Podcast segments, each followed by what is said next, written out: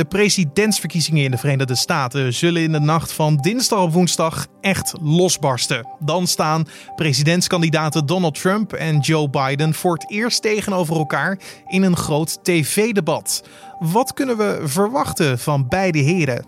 Dit wordt het nieuws. Op zich is het enige wat Biden moet doen. Is hij moet daar staan. Hij moet zeggen van nou jongens, 2 plus 2 is 4. 10 keer 1 is 10. Uh, en ik uh, kan nog uh, een volledige gedachte in een zin gieten. Nou, dan heeft Biden eigenlijk boven verwachting gepresteerd. Als je dat beeld wat Trump van hem heeft geschetst in, in gedachten houdt. Buitenlandverslaggever Matthijs Lelou blijft deze nacht wakker om het debat te volgen. En hij gaat je er straks over bijpraten. Maar eerst kijken we kort naar het belangrijkste nieuws van nu. Mijn naam is Carne van der Brink en het is vandaag dinsdag 29 september. En je luistert naar de Dit Wordt Het Nieuws middagpodcast. De GGD's hebben sinds vorige week dinsdag ruim 19.000 nieuwe positieve coronatests verzameld. Dat is 43% meer dan vorige week. In de ziekenhuizen werden over dezelfde periode bijna 250 mensen opgenomen vanwege COVID-19. Vorige week waren dat er nog rond de 150. Iets meer dan 100 bevestigde COVID-19-patiënten zijn de afgelopen zeven dagen als overleden gemeld. Vorige week waren dat er 33. Het Outbreak Management Team heeft het kabinet geadviseerd harder in te grijpen om de verdere verspreiding van het coronavirus een halt toe te roepen. Premier Mark Rutte en minister Hugo de Jonge van Volksgezondheid kondigden maandag landelijke maatregelen aan. Maar volgens het OMT was het verstandiger geweest met een steviger pakket aan maatregelen te komen. Dit naar aanleiding van de ernst en de snelheid van de stijging van het aantal besmettingen in combinatie met het niet naleven van de coronaregels. Verder is opvallend dat in het OMT-advies te zien is dat de experts het onderling niet eens zijn over het gebruik van mondkapjes. De KNVB heeft benadrukt dat al het amateurvoetbal in de komende drie weken doorgaat. Ook al werden de coronamaatregelen maandagavond flink aangescherpt door de overheid.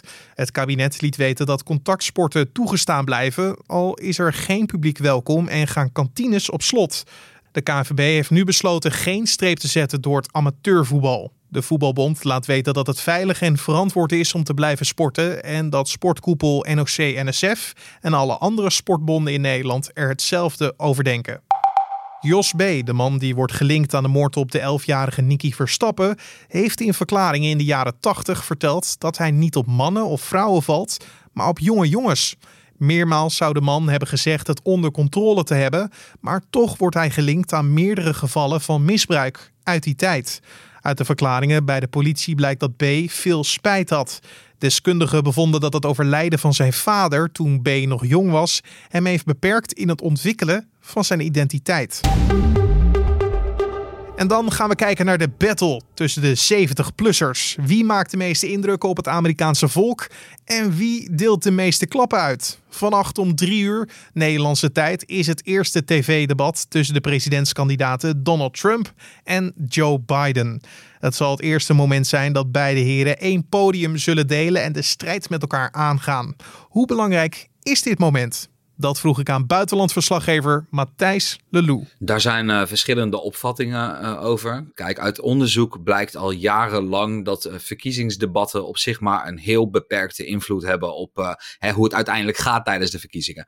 Dat heeft er dit jaar bijvoorbeeld ook al mee te maken dat het, het stemmen is in verschillende Amerikaanse staten al begonnen. Hè. Mensen kunnen vervroegd stemmen. Dus in feite loopt dat hele verkiezingscircus al.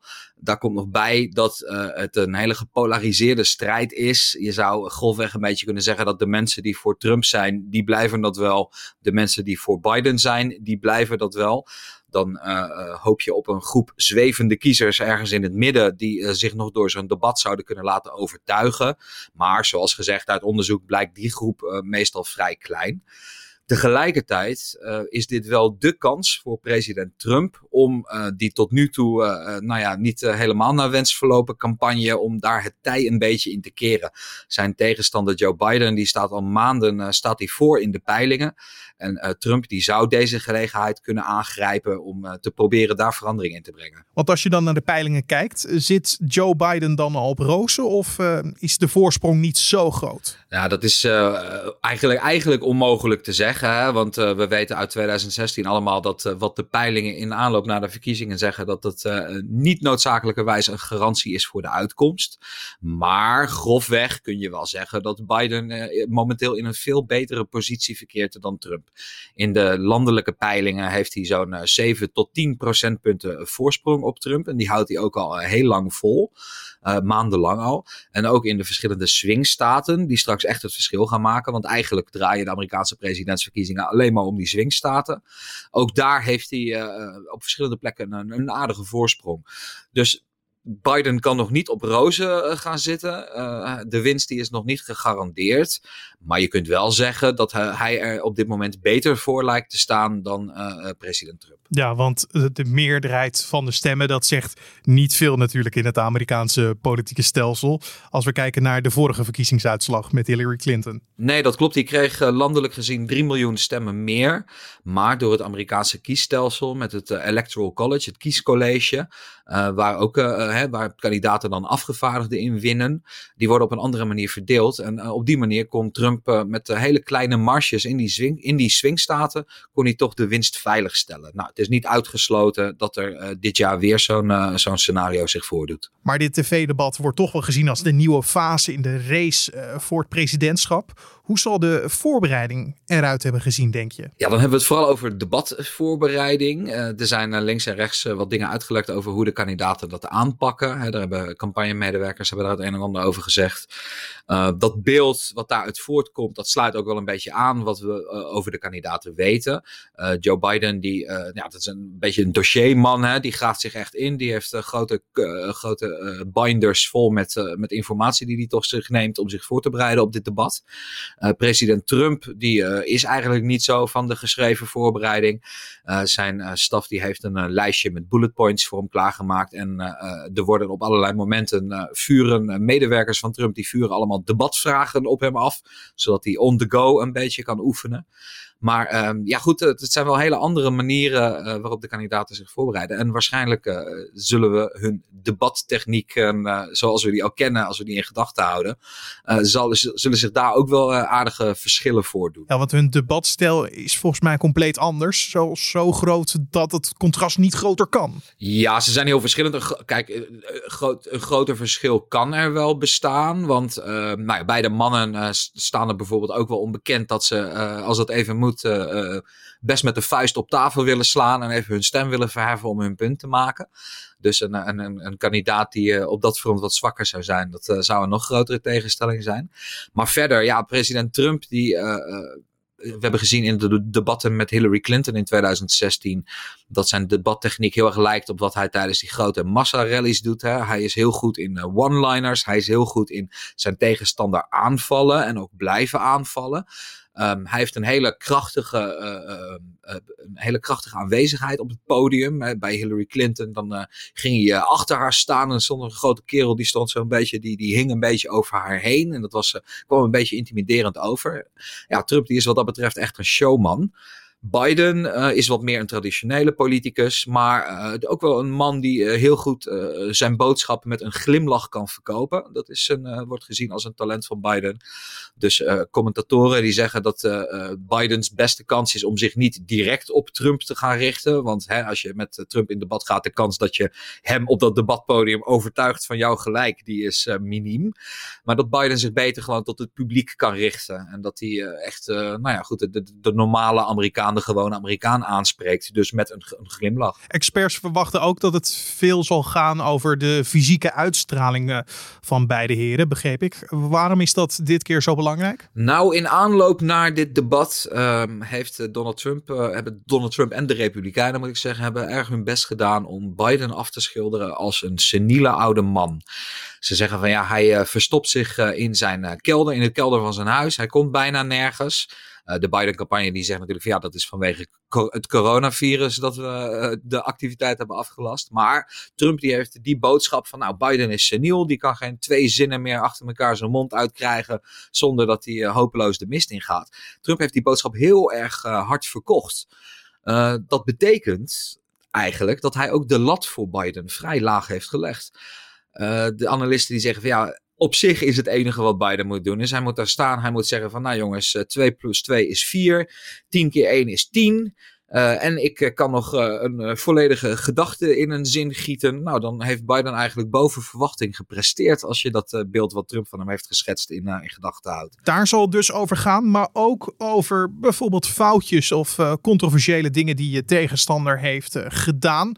Um, en daar is volgens mij geen gebrek aan. Nee, naar verwachting uh, zal president Trump uh, het vooral gaan gooien op uh, allerlei vraagtekens die hij zelf heeft gezet bij bijvoorbeeld het zakenverleden van familieleden van Biden.